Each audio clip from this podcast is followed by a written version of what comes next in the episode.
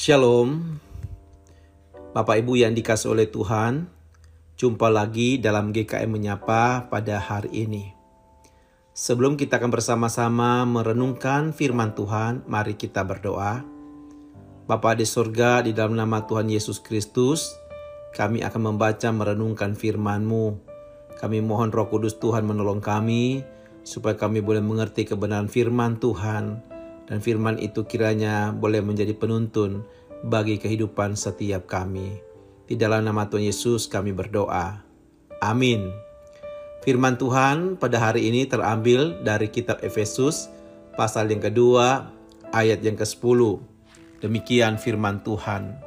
Karena kita ini buatan Allah diciptakan dalam Kristus Yesus untuk melakukan pekerjaan baik yang dipersiapkan Allah sebelumnya ia mau supaya kita hidup di dalamnya. Saudara-saudara, jemaat yang saya kasih dalam Tuhan, firman Tuhan ini mau mengingatkan kepada setiap kita. Siapakah kita sebagai orang Kristen? Siapakah kita sebagai orang-orang yang sudah menerima anugerah keselamatan di dalam Yesus Kristus? Kita boleh ada menjadi murid Kristus. Semua itu karena karya pekerjaan Tuhan. Oleh karena itu, sebagai orang percaya, Tuhan memilih setiap kita, Tuhan menciptakan setiap kita bukan tanpa ada tujuan, namun Tuhan rindu supaya kita memiliki tujuan hidup di tengah dunia ini, yaitu untuk apa? Melakukan pekerjaan baik yang dipersiapkan Allah sebelumnya. Tuhan mau supaya kita sebagai orang percaya hidup di dalamnya, yaitu melakukan pekerjaan baik.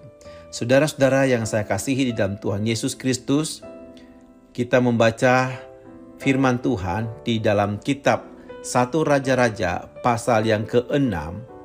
Di sana kita akan menemukan tentang peristiwa bagaimana seorang raja yang sangat terkenal dengan hikmat dan kebijaksanaannya juga dengan kekayaannya yang melimpah di mana dia di masa pemerintahannya, yaitu Raja Salomo, dia telah mendirikan bait Allah yang megah dengan kayu-kayu yang mahal dan berharga.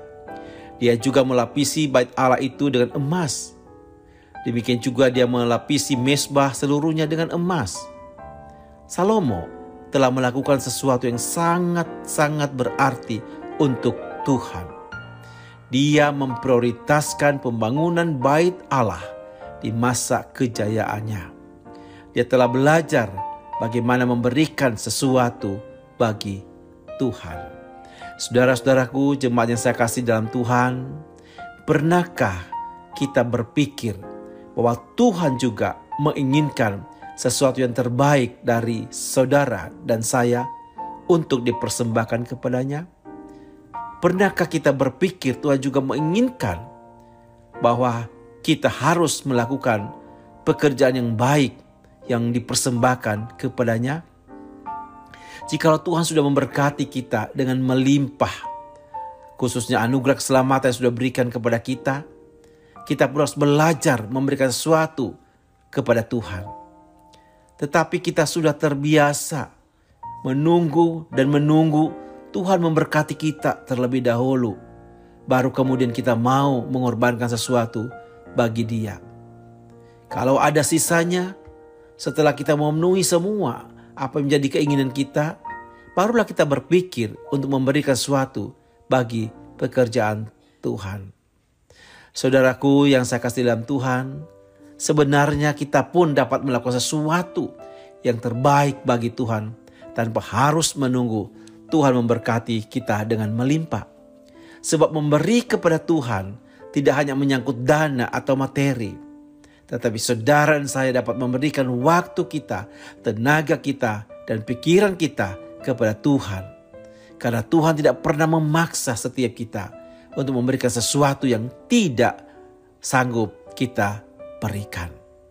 Saudara yang saya kasih dalam Tuhan, banyak orang Kristen yang hanya mau menerima sesuatu daripada Tuhan, tanpa pernah berpikir untuk melakukan sesuatu bagi Tuhan. Saat ini, marilah kita bertanya kepada diri kita sendiri, apa yang sudah aku lakukan bagi Tuhan? apa yang sudah aku kerjakan bagi Tuhan.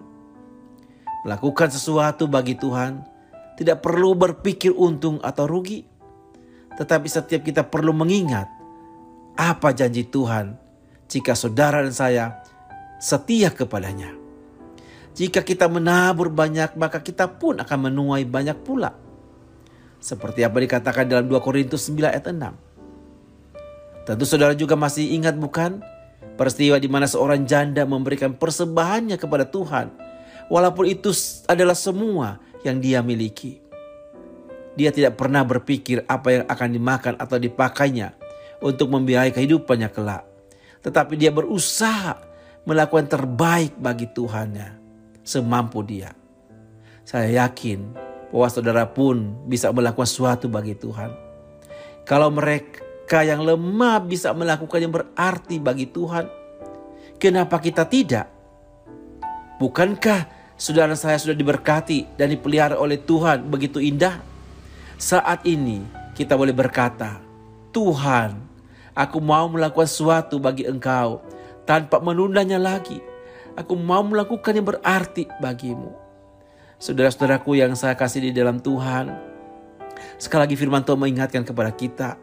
Kita sudah diciptakan oleh Tuhan melalui Yesus Kristus. Kita sudah menerima anugerah keselamatan. Suatu berkat yang luar biasa, suatu berkat yang terindah. Maka Tuhan ingin saudara dan saya melakukan pekerjaan baik.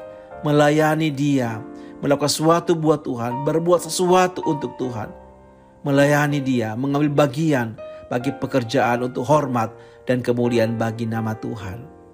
Masihkah kita mau menunda? Masihkah kita mau lagi untuk tidak melakukannya? Saudara-saudaraku yang saya kasih dalam Tuhan, sekarang inilah waktu kita untuk memberi yang terbaik buat Tuhan. Jika Allah sudah melakukan sesuatu bagimu, sudah sepantasnya kita melakukan sesuatu bagi Dia. Amin. Mari kita berdoa. Bapa yang baik, biarlah kami sungguh-sungguh memiliki kerinduan untuk melakukan sesuatu yang berarti bagimu Tuhan. Dan ajarilah kami berkorban demi Engkau. Kalau selama ini kami belum pernah melakukan sesuatu bagi pekerjaanmu, saat ini kami mau melakukannya karena kami mengasihi Engkau. Di dalam nama Tuhan Yesus kami berdoa. Amin.